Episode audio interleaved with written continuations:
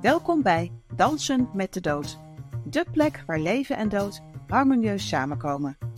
Deze podcast verkent thema's als verlies, afscheid nemen en rouw. Wij zijn er voor professionals in de uitvaartindustrie, mensen die verlies hebben ervaren en nieuwsgierigen. Hier vind je inspirerende gesprekken, praktische tips en een eerbetoon aan geliefden. Betreed de dansvloer en omarm het leven. Zelfs te midden van de dood. Mijn naam is Aisha Krakel-Bransen en ik ben jouw host op deze bijzondere reis. Ben jij klaar voor deze unieke danservaring? Abonneer je dan nu en ontdek wat deze podcast voor jou in petto heeft. Mijn gast van vandaag is een absolute alleskunner. Je zou hem kunnen kennen van tv-programma's zoals Ook Dat Nog, Nederland op Wielen en Gek op Wielen. Hij speelde in diverse films en series en regisseerde talloze theaterproducties, waaronder alle shows van Guus Meeuwis, Freek Vonk en Roel van Velsen. Ook schreef hij de kinderboekenserie Kleine Thomas. En naast regisseur werkt hij ook als communicatieadviseur en is hij verbonden aan het tijdschrift Autoreview. Baan Galema, welkom in de podcast. Ja, Nou, leuk. Ja. Hartstikke leuk. Zoals ik er naar kijk, sta je vol midden in het leven. Eh, waarom heb je ja gezegd tegen een eh, podcast wat gaat over de dood? Ehm, nou, op de eerste plaats omdat ik je man, eh, Peter Krako, eh, ken en wij samen reisden. Hij, zat, eh, hij is gitarist, zoals je weet, hoop ik. In de productie die ik had geregisseerd over Meatloaf. En zaten we in de auto dan, komen allerlei onderwerpen komen ter sprake. En een van de dingen die jullie samen doen, hè, dat, is, dat, heeft er wel met de dood en begrafenissen eh, te maken en muziek. Eh, ehm, en dan kom, dan, dan kom je in gesprek en ik heb anderhalf jaar geleden heb ik een, eh, een best wel zwaar infarct gehad. Ehm, waarvan je op, dat duurde 30 uur. En je merkt aan je omgeving dat zeg maar, in het vuur in Amsterdam en aan de artsen, dat, dat het gewoon kennelijk spannend is. Van, eh, dus dat je je ook wel voor moet bereiden op dat het, eh, hoe, dat, eh, hoe dat gaat. En überhaupt het krijgen, want het was midden in de nacht dat ik dat infarct kreeg. En dat, dat heeft uiteindelijk 30 uur aangehouden. Eh, omdat het met dotteren niet wegging, zeg maar, niet, niet opgelost werd. Dus dan, ehm, dan heb je daar wel gedachten over. En eh, toen werd ik me eigenlijk ook wel bewust van. eh, kijk, leven en dood is in theater altijd een thema. Hè? Van, de- het theater gaat natuurlijk over leven, maar het gaat ook over, over, over doodgaan. En eh, juist in een medium dat niets bewaart. Want als theater over is om 11 uur, als het klaar is, de voorstelling, dan is het weg. weg, ja. Is het weg. Schilderij van boek, hè, dat heeft nog een soort van eeuwig leven. Dat kan over de dood heen nog bestaan. Maar theater of live muziek niet. Dat, is, dat zit in het moment. Dus, ehm, maar toen, er zijn eigenlijk drie momenten geweest ehm, dat ik de dood in de ogen heb gekeken. En ehm, als ik daarop terugkijk, dan zijn dat helemaal niet per se hele angstige momenten geweest. De eerste keer was ik negen, ne- negen jaar en eh, toen wilde mijn moeder per se eh, voor zeven of voor acht uur op de zaterdag alle kinderen eh, in bad eh, hebben gehad. En die lag bij ons achter in een aanbouw van, van het huis. En ik moest helemaal van boven komen. En ik, wou- ik wou een serie zien, de Thunderbirds. Negen jaar oud. En ik rende heel hard. En dan, dan mo- dan moest ik een hele tijd rennen. En, door, door de gangen, door een grote keuken. Daarachter lag een bijkeuken. Daarachter lag de badkamer. En ik schiet zo met mijn arm door een deur tussen de keuken en de bijkeuken. Dat was van die kleine ruitjes. En eh, ik, nou, je kan hem eigenlijk nog zien eh, lopen hier. Eh, zo door mijn polsslagader. Eh, en ik begreep gewoon toen als kind niet ehm, wat er aan de hand was. Alleen, wow. dat is dat, ik, dat ik er zo in kon kijken. En dat het heel erg bloedde. En ehm, ehm, toen is mijn broer, zeven jaar ouder, die is op mijn arm gaan staan om het eh, tegen te houden. Maar, eh, dus dat, dat heb ik allemaal gered, zal ik maar zeggen. Maar toen was ik me van niets bewust. Van, eh, later heb ik een keer een. ehm, tweede keer was, een, wa- was ik twee maanden was ik in Indonesië geweest. We hadden daar gespeeld voor de Nederlandse ambassade, de Nederlandse vereniging. Toen was ik terug, in die tijd op een woonschip. Dat moest de helling op, dus ik logeerde bij mijn vriend Tiet Stiel Groenestegen en zijn partner Adelheid Rozen. En die gingen. Uh, ik had griep, ik kreeg griep. Dus ik lag in hun huis ziek te wezen, want mijn schip, mijn eigen huis, lag op de helling. En zij ging boodschappen doen of zo. En ik word me toch ziek, jongen. Ik denk, uh, dat gaat niet goed, dat gaat helemaal niet goed. Uh, toen belde ik de vriend van mijn zus, die was huisarts in Amsterdam. Maar die was visiterij, dus die was er niet. Ik zei, nou, je moet maar even terugbellen, ik ben bij Titus. Uh, maar toen had ik een malaria-aanval. Maar ik lag alleen en ik raakte in verlammingen. En toen belde die vriend van mijn zus, die belde terug. Maar toen kon ik de telefoon al niet meer opnemen. Maar ik had gezegd dat ik bij Titus lag en hij kende dat. Dus hij is in de auto gesprongen en hij wist dat ik in Indonesië was geweest. Dus... Maar toen dacht ik echt dat ik dood ging. Echt waar? Ja. Wat, wat gebeurde er dan, dat je dat dacht? Als ik nu op terugkijk, dan eh, echt gespleten geest. Twee dingen tegelijk, alsof je twee mensen bent. Aan de ene kant observeerde ik mezelf gewoon. Van, uh, was gewoon bavo, gewoon bij kennis, niets aan de hand. Ik wist alles wat er gebeurde. De andere kant had ik wel waanbeelden. En wat ik, ken je die ringen die goochelaars hebben, zilveren ringen, en die haken dan mysterieus in elkaar of juist niet. Nou, dat was ik aan het doen met mijn andere helft van mijn bewustzijn. En die waren heel zwaar. En, in elkaar, uit elkaar. En die waren heel zwaar. Zo zwaar dat ik ze niet kon houden. En ik wist, als ik het niet kan houden, dan ga ik dood. Dan ben je dood. Dan, dan zak je weg. Dus je wil dat het ophoudt, want het is zo zwaar dat het niet meer kan houden. En die andere waarvoor die was daar aan het kijken. Zei, nou, ik zou, ik zou maar proberen vast te houden. Want... Uh, ik wil nog niet dood. Nee. En hoe, uh, hoe lang heeft dat geduurd? Of de, waarschijnlijk is dat uh, hoe lang het effectief heeft geduurd een andere beleving geweest dan hoe lang het voor jouw gevoel duurde? Of was het Ja. hetzelfde?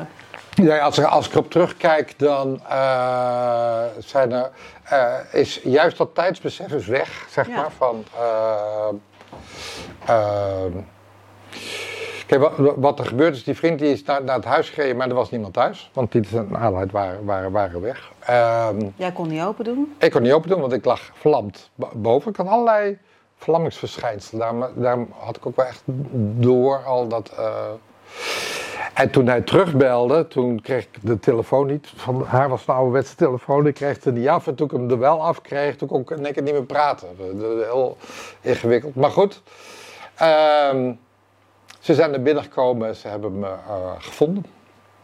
En eh binnenkort keer was de ambulance en eh, goed, hij... maar ehm, toen, toen wist ik dat dat, dat splitsen van, van mijn bewustzijn, dat was hoge koorts natuurlijk. maar die twee dingen. Maar ik was me heel erg bewust dat ik ging. Wauw. Dat, dat, ik, dat ik dit niet vol kon houden. En, en er was geen paniek. Je had een soort overgave van als het zo moet zijn. Ik ging wel zo? lang mogelijk proberen die ringen dan vast te houden. Een beetje Ja. ge- gek, gek beeld, maar eh, ik snapte wel dat ik dat niet eh, de, eh, lang meer vol kon houden. Dat ik dan ging en dat, daar verlang je dan ook wel naar. Omdat het ehm, eh, de situatie op dat moment opheft. Dat Ja. niet kunnen houden, dat, dat boven je macht alles maar die, die zware ringen blijven tillen. Dat moet ook een keer ophouden. Dat wil je ook. En eh, dat daar een soort. Ja, maar dan ga je dood. Ja, maar dit moet ook ophouden. Dus Ja. wa- ik heb ehm, geen paniek gehad eh, van. Oh, eh, nou ga ik dood. Nee, dat mag niet. Of, die- Bijzonder. Want je, je hebt eigenlijk tegelijkertijd, weet je van, ik wil nog niet dood en je doet er alles aan om het vast te houden. Maar je hebt ook een soort berusting ervaren, zo Ja. van, dan is het maar zo. En, en, met het infarct weer. Weer dezelfde, Oké. dezelfde ervaring. Van, eh, alleen toen had ik meer bewustzijn van. Het, met die malaria had ik nog geen kinderen. Ik heb nu kinderen en, en een vrouw. En dus met het infarct had ik veel sterker. Oh, het is voor mij helemaal niet erg. Ik ga slapen. Voor mij is het niet erg. Ik ga slapen. En eh, de pijn die ik had, want ik heb bij- het infarct best wel al 30 uur die, die, die, die pijn op dat borstbeen gehad. Ehm, eh, daar wil je wel vanaf. Maar het, eh, het was erg voor anderen. maar niet, niet, niet, niet zo voor mij. En ehm, heb je die 30 uur helemaal bewust meegemaakt? Of was het ook, heb je geslapen? Of hoe gaat zoiets dan? Nee, uh, ja, uh, het was midden de nacht en opstaan raar. Nou, uiteindelijk bel je zelf 112 en ik was alleen thuis in mijn huis in Amsterdam, zeg maar, dus ik was niet hier in Friesland. Um, dan heb je van de 1 en 2 mevrouw, heb je snel in de gaten dat je een infarct hebt, want je weet niet zeker. Ik dacht dat ik, ik heel veel last van mijn maag had en dat, dat iets anders. Toen zei ze, ik denk dat u een infarct heeft, maar blijft u rustig zitten. Kunt u de voordeur open doen? dat, dat soort uh, uh, vragen. En toen weet ik wel dat ik heel snel, ook voor, voor mevrouw Marjan, heel snel haar telefoonnummer heb opgeschreven. Dat briefje in mijn hand hield. Ja dat als ze dan binnenkwamen, want ik was alleen in, in dat huis, dan vonden ze een telefoonnummer, konden ze Marianne bellen. Van, en dan ben je wel bewust van dat er iets groots aan de hand is. Maar ook daar zat die berusting in, want je, je kan je ook niet zo verzetten van... Uh, nou ja, ik denk dat het wel helpt in je uh, helingsproces dat je ook wel gewoon een berusting hebt en niet alleen maar aan het vechten bent. Want je hebt je kracht misschien voor een ander moment uh, nodig. Dus je hebt drie keer de dood in de ogen gekeken. Ja, waarvan twee keer bewust, want als kind kan ik, kan, kan ik niet zeggen. En twee keer dan, dan, dan, zeg maar, valt me daar die berusting aan, aan op. Je zou. Je hebt allemaal het idee van, van, van dat, je, dat je als een drenkeling, als een gek gaat lopen spartelen. En dan ook die paniek van wat we kennen uit films of zo. Dat je, dat je zo. Dat heb ik twee keer totaal niet gehad. Nee. En wat, maar wat betekent de dood bijvoorbeeld dan voor jou? Je hebt drie keer de dood in de ogen, of misschien twee keer de dood in de ogen gekeken. En wat is de dood dan voor jou? Ja, toch wel. nou ja, er zijn, er zijn verschillende uh, niveaus. Als, als, als uh, het pure rationele, uh, beschouwende van de dood, denk ik. Nee, dit was het. het. het. leven zit vast. De geest zit vast aan het lichaam. Aan, aan, Um, en kan daar niet los van. En dat is ook de poëzie ervan, eventueel. Weet je wel, van, uh, maar ik ben hartstikke katholiek, streng katholiek opgevoed eigenlijk. En dan kan ik daarnaast, naast deze, kan ik dat rustig ernaast zetten. Omdat ik dat een mooie, mooie gedachte vind. Soms zeggen. Um, dus ik doe nog altijd schietgebedjes. Of mijn ouders zijn er niet meer. Uh, ik kan omhoog kijken en zeggen, hé pa, heb je dat gezien? Heb je dat gezien? Goed hè? Ja, um, en uh, dat is de manier waarop mijn ouders doorleven. Als je zegt, is er leven na de dood? Nou, voor mijn ouders wel, want ik denk aan ze. En, en ik hou ze levend in mijn verbeelding. In dat um, mysterieuze gebied van de menselijke geest nou, dat gebeurt allemaal hier dan, of hier, of, maar ergens gebeurt dat, dat, dat de menselijke verbeelding, theater, zo sterk is, dat ik kan mijn ouders levend houden. Dus zij leven door naar de dood. Ik kan ze niet meer aanraken, maar um, ik kan met ze praten. En dat is de vraag, ja, maar niet echt. Ja, maar, dat is echt eigenlijk. Hè? Hey, ja. Dat doet er niet zoveel nee, toe, nee. Uh, uh, of het echt is. Want, um, en dat, dat, heb je, dat, dat is eigenlijk ook wel de link met theater. Of het echt is. we, we, weten allemaal dat er theaterafspraken zijn. We gaan zitten in een zaal, het is straks pauze. En uh, um, als een acteur roept: Ik vermoord je, krijg ik wel. Dan gaat dat niet echt gebeuren, maar toch leven we ons in, in de hele situatie. Is er dus een deel wat eigenlijk wel echt gebeurt. En dat vind ik met uh, de dood ook. Van. Of het hiernamaals. Of uh, als je zegt, nou ja, maar een deel van de geest leeft door. Ja, maar hoe dan? Want dan kun je het niet aanraken. Dan is dat toch als ik met mijn moeder praat, zeg hé hey mam, heb je dat zien? Of uh, kun je dat even voor me. Kun je daarboven niet een beetje helpen uh, met een of ander? Weet je dat wat ik me voorstel. En daar ook wel op een bepaalde manier troost uit haal. Of iets. Dat is het dan toch? Dat is toch wat, we, wat, wat we altijd wilden of, of zeiden. En dat dat misschien niet in het bewustzijn van mijn moeder zelf zit, maar in mijn bewustzijn. Dus dat ze in mij doorleeft. Nou, dat maakt het eigenlijk alleen nog maar mooier. En ervaar je dan ook bijvoorbeeld een bepaalde terugkoppeling vanuit dat collectief waarin je contact maakt met je moeder? Zie je bijvoorbeeld een bloem of een, uh, hoor je een bepaald liedje wat je aan haar doet denken op het moment dat je in verbinding met haar staat?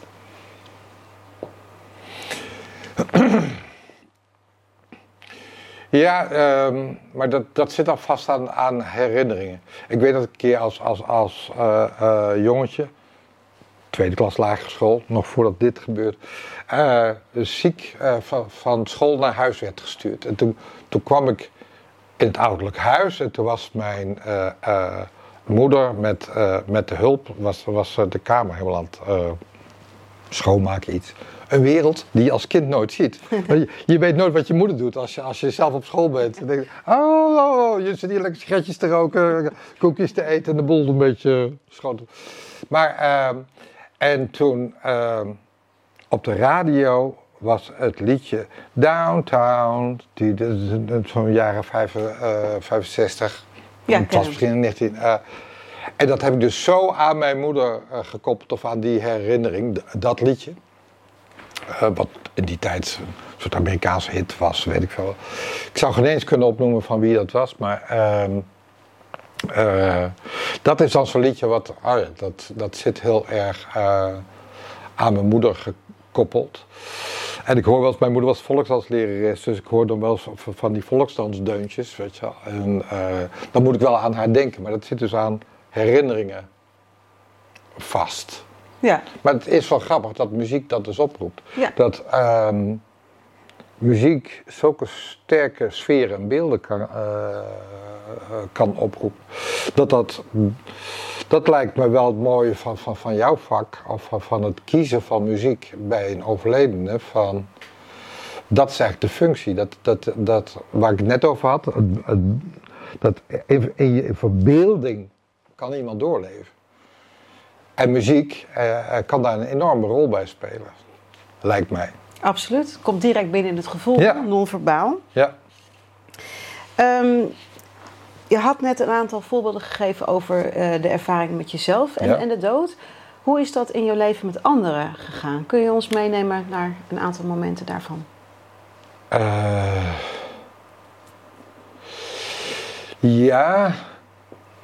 Ja, het. het, het um dat vind ik zelfs al van, van, van beesten. Het, ik, ik, ik vind er een magische grens tussen leven en dood. Van, van wanneer iemand, of een dier, of, of een mens, sterft. Dat in de, de, het, het ene moment is iemand er nog wel, het andere moment niet. Ben je er wel eens bij geweest, bij iemand die is overleden? Uh, jazeker. Uh, bij mijn moeder. Uh, waar, hij er allemaal bij. En we hebben een groot gezin, dus waren we met alle, alle, kinderen stonden eromheen. Waardoor het een collectief gebeuren werd in plaats van...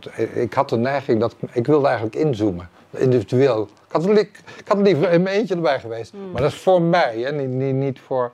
Om dat rare, magische moment dat iemand vertrekt... Uh, uh,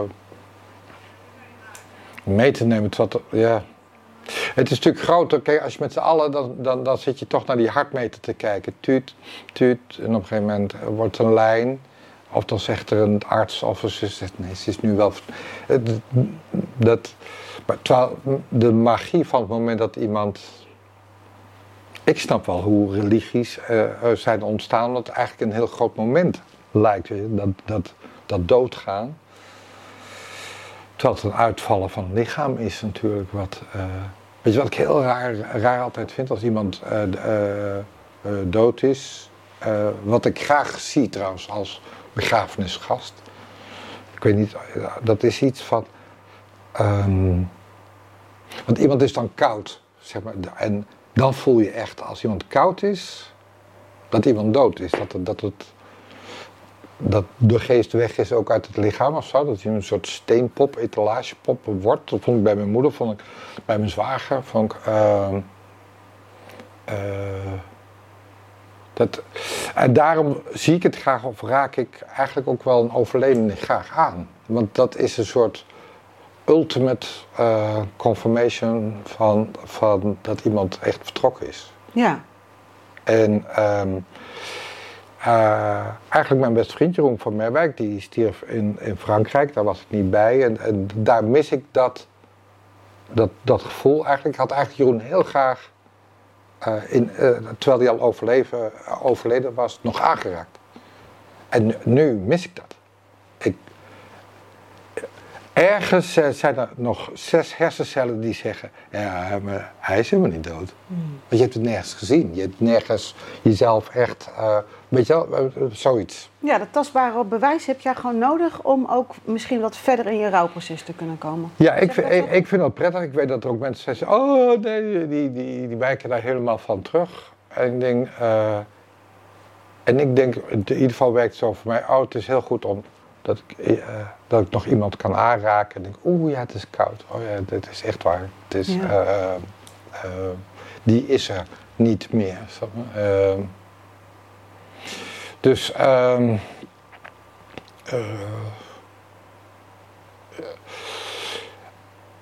ja, dat, dat, dat, dat mis ik bij Jeroen. Dat, corona, ik kon niet naar Frankrijk, dat gedoe. Ja. En heb je, hoe heb je dat nadien dan zeg maar uh, benaderd? Want het was inderdaad coronatijd, je, je kon er niet bij zijn. Hoe, hoe ben je dat gaan verwerken? Uh, heb je het wel verwerkt? Dit is de vraag. Ik merk nu, het is nou ruim uh, twee jaar geleden. En in de huiskamer staat zijn foto nog altijd groot. De, ehm, dat is misschien best lang, zeg maar, hè? Want alsof het uh, het is niet mijn broer, het is niet mijn moeder, weet je, daar heb je foto's. Ik heb het gevoel dat die foto er langer staat dan normaal. En dat, uh, dan anders. Uh, maar Jeroen was behalve cabaretier ook schilder, hè, de, de, daar hangt hij. Uh, dus, dus, ook daar is het werk, gaat er door in sommige dingen. Maar ja, uh, het is natuurlijk jouw business, maar rouwverwerking. Ik merk dat daar dus dat, dat met Jeroen uh, uh, moeilijk is geweest. Maar ik heb het met Sylvia Mellekamp, die zat bij mij in, in ook dat nog. Heb ik het ook heel lang. Omdat het, was natuurlijk jonger en zij was één jaar ouder dan ik, maar eigenlijk mijn leeftijd. En wat was ze, 45 of zo, weet je. Zoiets, um, dat was heel gek. Dat, uh, dan was ik 44. Kunnen wij dood dan? Weet je wel? Dat, dat, dat past niet in je, in, je, in je leven. Misschien dat ik daarom. Daar heb ik ook wel lang mee. Um... Ja, want als we even naar Sylvia inderdaad gaan. Hoe hoorde je dat ze ziek was? Hoe ging dat? Um,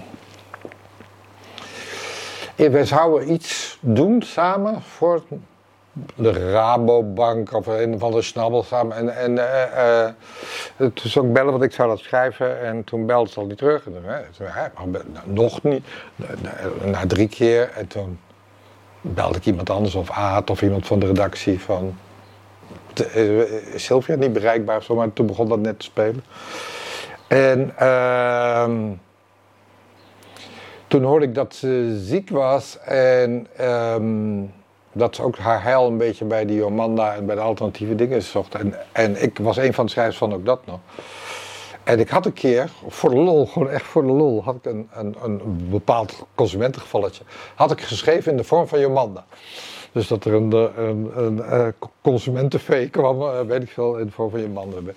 En dat weigerde ze te spelen, omdat zij, eh, zij had een nare ervaring met haar vader gehad in de reguliere gezondheidszorg. En die vader die ging ook naar Jomanda, die had daar in ieder geval eventjes baat bij, of in ieder geval een soort... Uh, dus zij was into Jomanda. En zij wist dat ik not into Jomanda was en daar uh, sceptisch over was. Um, dus zij ging het contact met mij uit de weg. En dat wist ook van haar van de Heides, maar haar ex, die, die, die moest daar ook niet zoveel van hebben. Dus die, ging dat, um, die ging dat uit de weg.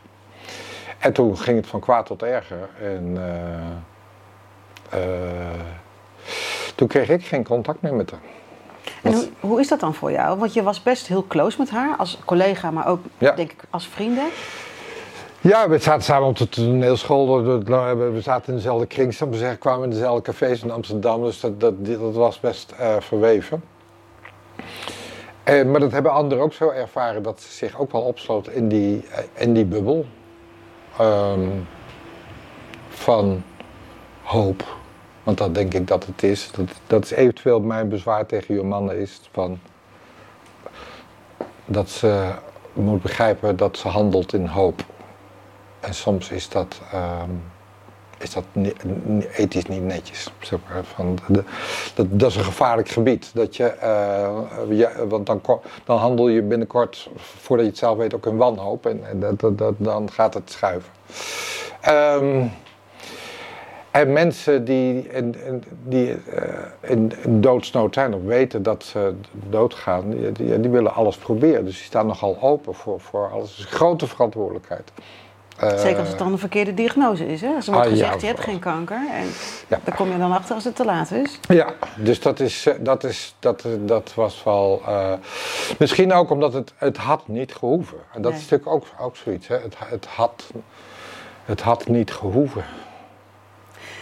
En ja, dan, dan heb je geen contact met iemand waar, eh, dat, ja, waarbij het wel goed zou zijn om juist die verbondenheid te blijven houden. En ja, hoe ging dat dan? Je hoorde in één keer, ze is wel overleden. Hoe, hoe is dat dan toen gegaan? Want je hebt geen afscheid kunnen nemen. Nee.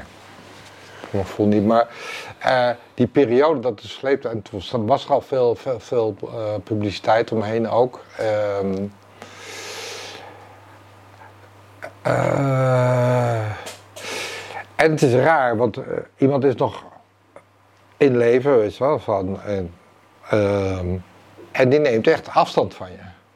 Wat- best een, een negatieve eh, beweging is. Dat is eigenlijk niet zo leuk.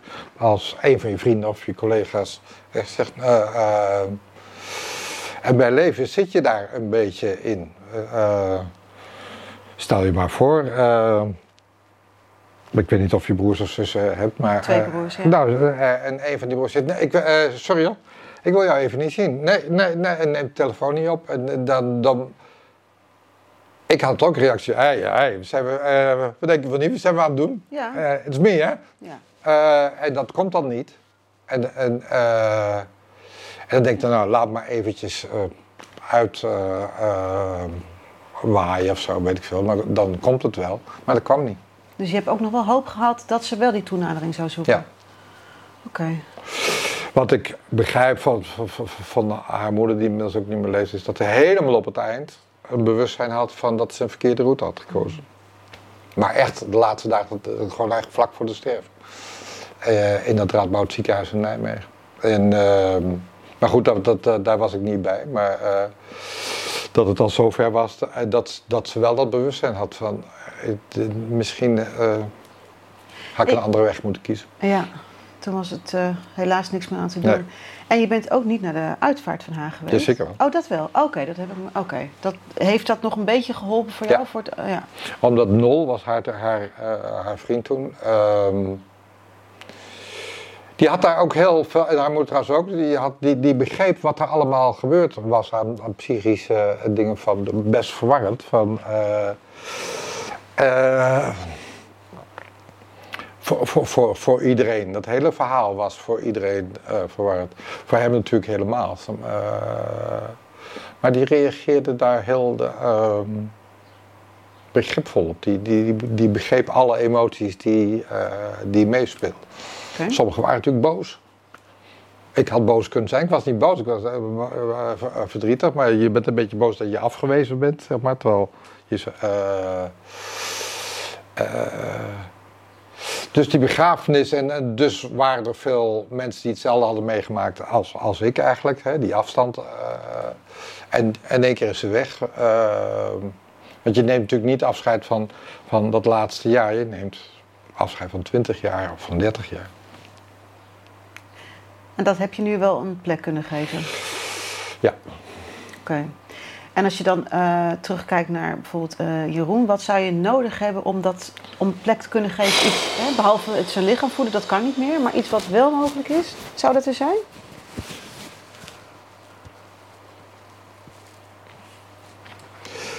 Uh. We hebben toen op het eind, maar dat was toch op het eind van zijn leven, hebben, er was een initiatief van, uh, van Herman Vinkers. Hebben met z'n allen een cd gemaakt. Hè, met, uh, iedereen heeft, had een lied van Jeroen uitgekozen. En ze hebben dat op gaan nemen. Uh, zijn broer was Lucas, die drummer, Luc, Lucas van Merwijk, produceerde het. Dat was wel heel fijn, omdat je niks kan doen als iemand doodgaat. En je wilt toch iets doen. Daarom als iemand echt ziek is of zo. Nee, ik ga, iedereen wil naar de drogisterij of die wil gewoon iets doen. Dat je iets doet. Al is maar zo'n lullig glaasje water halen, maar je wil iets doen. En dit was goed omdat we iets deden. We, we, verzamelden ons in de studio, we gaan liedjes omschrijven en dan kon je iets doen. Um, om ergens iets te verzachten of te helpen, omdat je wist dat Jeroen dat leuk ging vinden, dat we dat gedaan hadden. Een soort afscheidscadeau van ons naar Jeroen was, was dat. Dat Herman had dat heel goed bedacht. Dat, uh, en als dat niet was gebeurd, dan, dan had ik daar nog zwaarder mee. Ik ben blij dat ik dat heb kunnen doen, dat hij dat gehoord heeft. Uh, ik heb van Jeroen trouwens wel telefonisch een heel goed afscheid genomen een van de dingen die ik gedaan heb, is een hele, wat mensen niet, niet snel doen, maar ik heb het met mijn vader eigenlijk ook gedaan. Um, ik heb hem een, een, brief gestuurd waarbij alles, maar dan ook alles heb gezegd. Dat doe je eigenlijk in het sociale leven niet zo. Dat doe je niet zo snel. Maar als iemand dreigt dood te gaan, of dat gebeurt, dan heb je maar één kans. Ja, niks te verliezen ook. En um, toen Jeroen die brief had gehad, belde die het. Hebben een paar geweldige gesprekken gehad. Want als de, als de een uh, uh, zich opent, dan gaat, gaat, de ander bijna automatisch. Dus we hebben over van alles en nog wat gesproken, maar vooral over wat we van elkaar vonden. De waardering natuurlijk, maar ook, ook, ook de andere kanten die je normaal niet uitspreekt. En nu wel, omdat alles schuldloos is. Er zit niet een er zitten geen randjes meer aan. Uh, of concurrentie is allemaal weggevallen, is allemaal weg. En um, dat geeft een soort van, uiteindelijk merkten wij dat alles op een gegeven moment gezegd was. Wat, wat je tussen goede vrienden kan zeggen, alles was gezegd. en, en het meeste van wat, wat, wat, besproken is, dat zijn leuke dingen. Je bent niet voor niets vrienden. Uh, dat was iets ingewikkelder bij mijn vader. Mijn vader was in coma. En, dat, dat, dat, uh, en toen heb ik ook daar heb ik een middag. en uh, iemand die in coma, denk ja, ik moet toch alles zeggen. En mijn ouders is natuurlijk altijd ingewikkeld. Er is altijd de rekening die open staat. En uh, hoe goed de vader of de moeder het ook heeft gehad. Er is altijd iets wat, wat kinderen ja, als kritiek, je hebt altijd kritiek. Op, ja, waar, waar, waar, waar, ze doorheen eh, moeten of uh, uh, niet per se verwijten of ook. Of, er is geen opvoeding die perfect verloopt, dus je hebt altijd wat. En, maar in ons geval hadden we hadden, hadden best nog wat te verhapstukken, maar de, dat was wel een mooie middag. waarin ik tegen iemand die eigenlijk misschien al weg was, of waarvan je niet wist of die me hoorde. Maar ik had het wel gezegd. Ja, klaart de lucht uh, voor jou? Dat klaart uh, wel de lucht. Dan zit er wel een, dat is meer een verhaal, de, de volgende dag na die middag. Zaten mijn twee zussen zaten bij het bed en ik kwam en dat hoor je zo, toen had ik van die cowboylaarsjes, dus dan op die gangen van het ziekenhuis hoor tik, tik, tik, tik, tik, tik, tik. En toen zeiden mijn zus, oh, dat, uh, dat moet Bavo zijn niet.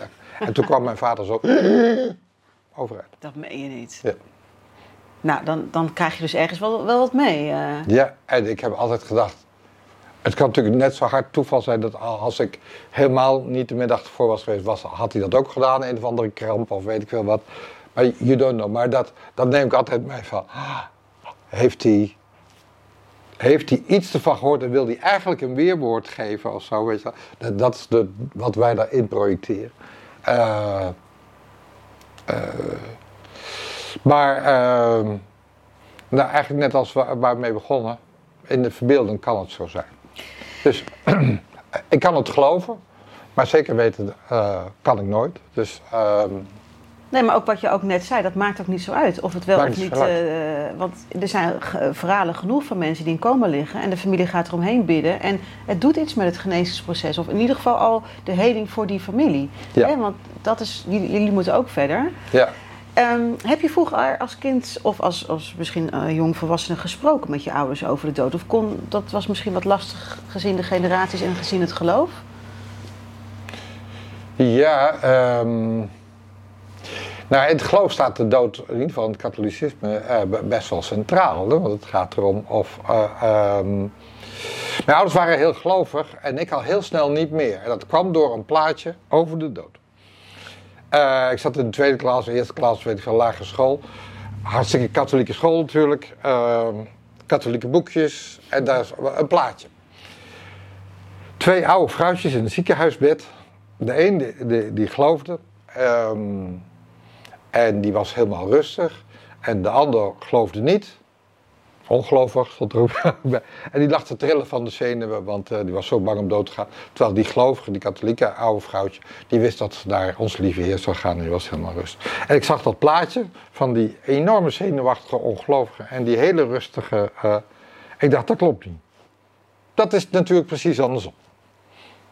Want als je gewoon doodgaat en je gelooft niet en het is daarna afgelopen, is er ook niks om bang voor te zijn. Terwijl die ander wordt even afgerekend. Die, komt even de factuur van. Uh, zo, uh, we beginnen op je derde jaar, uh, 5 april 1963. leg eens even uit. nou. Daar, daar viel ik al deels van, van, van, van, van, van, van uh, Later ben ik dat geloof weer heel erg gaan waarderen in de waarde van rituelen. Zeker ook bij, bij begrafenissen. Dat het ritueel, het is niet voor de overledene, het is voor ons, voor de overblijvers. Voor, voor, uh, uh, Hou vast eigenlijk hè? Ja. Kaarsje aansteken of de heilige Christoffel, Christophe. Ja, ja, hadden. Nee, ja. ja. Ik heb, mijn dochter die ging naar Thailand, zo'n zo, zo, zo weet zo'n tussenjaarreis, eh, wat zo... In mijn tijd deed niemand dat en nu, nu is de verplichting tussenjaar en dan uh, gaan reizen. Uh, toen kocht ik dus, uh, dat, daarom noem ik mezelf een cultuurkatholiek, kocht ik zo'n zilveren dingetje om haar om te hangen, Christoffel. en die mee als bescherming. En ehm, dat vind ik hard. Ik vind de gedachte mooi en de werking is dat zij uh, iets heeft van, oh papa heeft iets gekocht om mij te beschermen. En dat is genoeg. En dat het niet echt beschermt als een hocus pocus, dat doesn't matter at all. Want uh, het gaat om dat zij het ervaart dat ik haar wil beschermen. En dat, dat is met heel veel dingen, zeg maar, met dat geloof. En, en, en en met de dood ook een kaarsje opsteken en uh, of het gevoel dat iemand nog meekijkt op haar eigen zijn begrafenis. Top. Van, van als, als zoveel mensen in een kerk of in, of in een ruimte weet je wel, aan één iemand denken, dat, dat is doorleven naar de dood. En hoe ver heb je al eens nagedacht over je eigen uitvaart ooit? Heel ver van nu. Uh, hoor je wel? nou, de uitvaart zelf. Uitvaart zelf. Ik werkte. Uh, ik, ik, werkte met Guus uh, Meeuwis. En uh, toen, toen, was ik net via een vriendin Herbert Greunemeyer. Dat is een Duitse. Rob de iets meer poppy, iets, iets ruiger dan Rob de maar zo'n zo'n figuur in Duitsland. En die daar uh, ging ik in één keer naar luisteren, naar muziek. Uh, schrijft zijn eigen muziek. En die had een liedje geschreven, Der Week, in, in het Duits. Prachtig poëtisch, maar over de dood van zijn vrouw. Daar is hij heel lang mee geweest. En uh, dat liedje liet ik Guus horen. Ik zei, ja, jij kan er niks mee, want het gaat zo over zijn vrouw, dat kun je geen eens coveren. Dat heeft hij later dus wel gedaan. Okay. Dat is de weg geworden. Mm. Omdat hij het ook fantastisch vindt. Mm. En... Um, dat liedje, dat, dat vond ik zo mooi van hoe een man een vrouw kan missen, zou ik maar zeggen. Of hoe de ene mens een ander kan missen en, en hoe hij daarmee mee, mee omgaat in een soort gedicht. Um, uh, dus toen begon ik daarvan te zeggen, oh, dat, dat, dat moeten ze draaien op mijn, eh, of zingen live, eh, op mijn begrafenis, maar wel in het Duits. Het originele nummer. Ja, want nou die, eh, weet je, uh, die heeft het verhaal, heeft hij eigenlijk best wel goed gedaan. Ik was later eigenlijk wel, wel beledigd dat Guus niet naar mij eh, is wil jij het niet vertalen? ik, had het, ik had het verdomme aangedragen. Ja. Dat, maar ja, ik had juist gezegd, nee, dat moet je niet doen, joh. Dat is te privé, weet je wel. Maar hij heeft het trouwens goed gedaan, hoor. Eh, maar eh, hij heeft Herbert Grönemeyer eh gebeld erover. En die zei, nee, doe maar. Want Grönemeyer is een enorme Holland-fan. Dus die vond het hartstikke leuk dat dat in Nederland, eh, eh, dat liedje dan werd uitgebracht. Dus dat, dat is allemaal oké. Maar eh, met dat liedje was het eerste van, oh, dat, hey, dat, dat moet op mijn uitvaart. Het is raar als dat niet... eh, het, is, is helemaal geen lijflied, maar dat, dat, hoort- dat, hoort er, dat hoort nou eenmaal bij, denk ik. En eh, ik was heel eh, jong.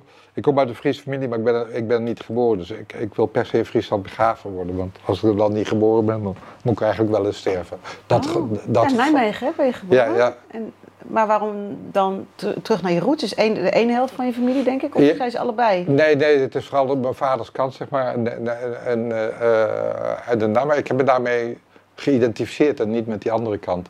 En eh, ik, nou, ik woon ook in Friesland. En het is maar wat je voelde. Ik heb Nijmegen nooit thuis gevoeld. Ik heb nooit gevoeld, dit is mijn stad.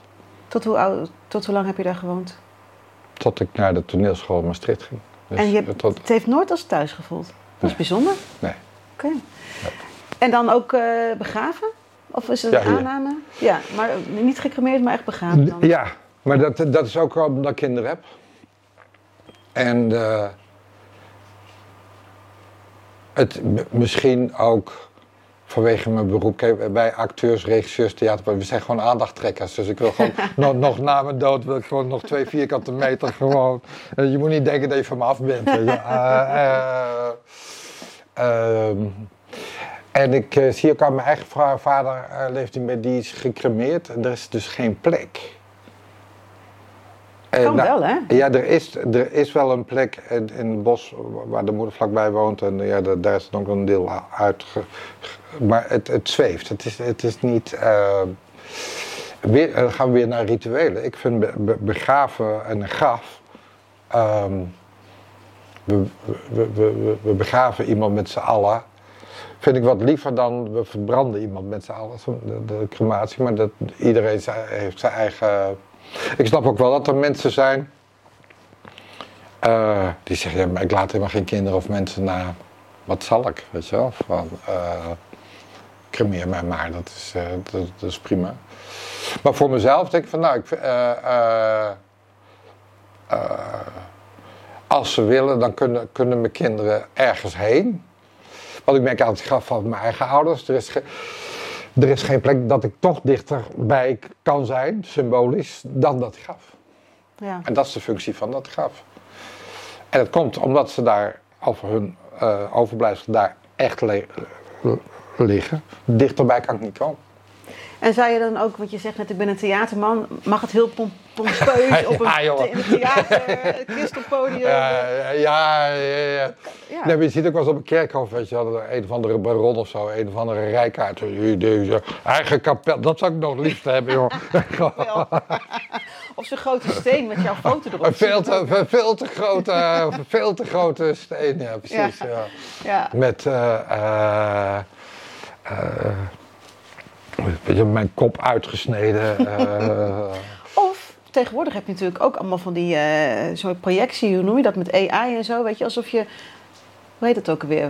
Oh ja, de- 3D. Je, je, kan, je kan het helemaal. eh, Ja, nou ja, maar of dat hoeft. Kijk, we hadden het net over die verbeeldingen. Dat, dat, dat, dat vind ik eigenlijk het mooiste. Als, als ik eh, doorleef in de verbeelding van mensen die mij lief waren en mijn kinderen. En eh, dat die aan me denken en me levend houden, zullen zeggen. Eh, ik merk aan Marianne, haar vader is niet meer eh, dat.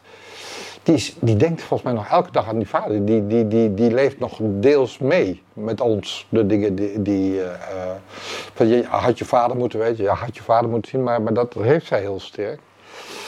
Dan heb ik de draad kwijt, ik wilde ergens heen, maar uh, wat Over het verge- dat je iemand levig houdt door met iemand Ja. bezig te zijn? Ja, ja, ja, ja. En, ehm, en ik gaf, in, mijn gevoel zeg maar, helder, of een, of een symbool. Want het kan ook de urn zijn, hè? dat mensen alles in, in, in, eh, in, eh, en dan komen ze daar het dichtst bij. Ja, en dan, die urn kan ook begraven worden. Ja. Dus dat is ook weer een combinatie. En eh, want in principe, eh, je bent pas dood als je bent vergeten. Dat is eigenlijk ook wat jij heel Ja. sterk hebt. Ja. En ik zag een uitspraak, een quote die eh, eh, in een van jouw uitingen. Dat is als je, dat je als je iets niet hebt gedaan in het leven, dat het dan eigenlijk een, gemiste kans is. Ergens in die strekking was het. Ja. Heb jij je bucketlist afgewerkt als je die al hebt? Of heb, heb je nog dingen waarvan je zegt, dat wil ik eigenlijk nog doen? Eh, Het is wel grappig dat je dat vraagt, want- eigenlijk dan ga ik weer terug naar het infarct. Dat je denkt, nou, dat zag er even uit dat ik dat niet ging halen. En toen vond ik het zo belangrijk dat mijn kinderen en Marjan wist dat ik, dat, dat ik echt een geluksvogel, dat ik mezelf zie als een geluksvogel, omdat ik zoveel vinkjes kan zetten op, op eh, de, eh, en dat ik, oké, eh, 64, dat- dat, dat is eigenlijk, vroeger was het een respectabele leeftijd, nu zeg ik nou, het had nog wel even doorgemogen, ja. maar eh, dat, ik, eh, dat, ik, dat ik heel tevreden was. Dat, eh, is wel goed eigenlijk dat je dit vraagt, ja.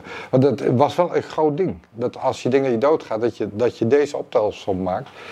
En ehm, eh, dat ik blij was dat met een aantal keuzes die ik had gemaakt Friesland. En dat ik zoveel dingen heb kunnen doen in mijn leven, waar ik als jongetje van droom. Ik was een autojongetje, ik heb, ik heb, alles gereden waar een jongetje van droom. Gewoon omdat ik een autoprogramma had, weet je. Eh, eh, en ik heb zoveel ku- kunnen doen in tv, in theater en... eh, het enige wat nog, maar dat hoeft niet, maar eh, eh, daar moet, moet ik hard met jouw man over praten. Ik moet eigenlijk nog een keer in, in de hitparade zien te komen met iets, met een tekstje of iets. Dat is nog, die staat nog open, maar als ik die niet haal, nou, eh, er zijn er zoveel wel groen afgevinkt. Maar het klinkt Dat- goed, gaan we voor. Ja, maar dan denk ik wel eens van, oh, ja, oh ja, dat had ik ook nog wel gewild. Dat ik, dat ik ergens een, een tekst of muziek of allebei. Ik hoef het natuurlijk niet zelf hoor, zeker nu niet meer, maar eh, dat zou ik wel leuk vinden. Kan altijd nog. Rob Kan altijd heeft er ook lang over gedaan. en uite- Uiteindelijk ook gelukt, dus wie weet. Ja, ik, Ja. ik heb de connecties. Daarom. Bravo, dankjewel voor je openhartigheid. Graag gedaan.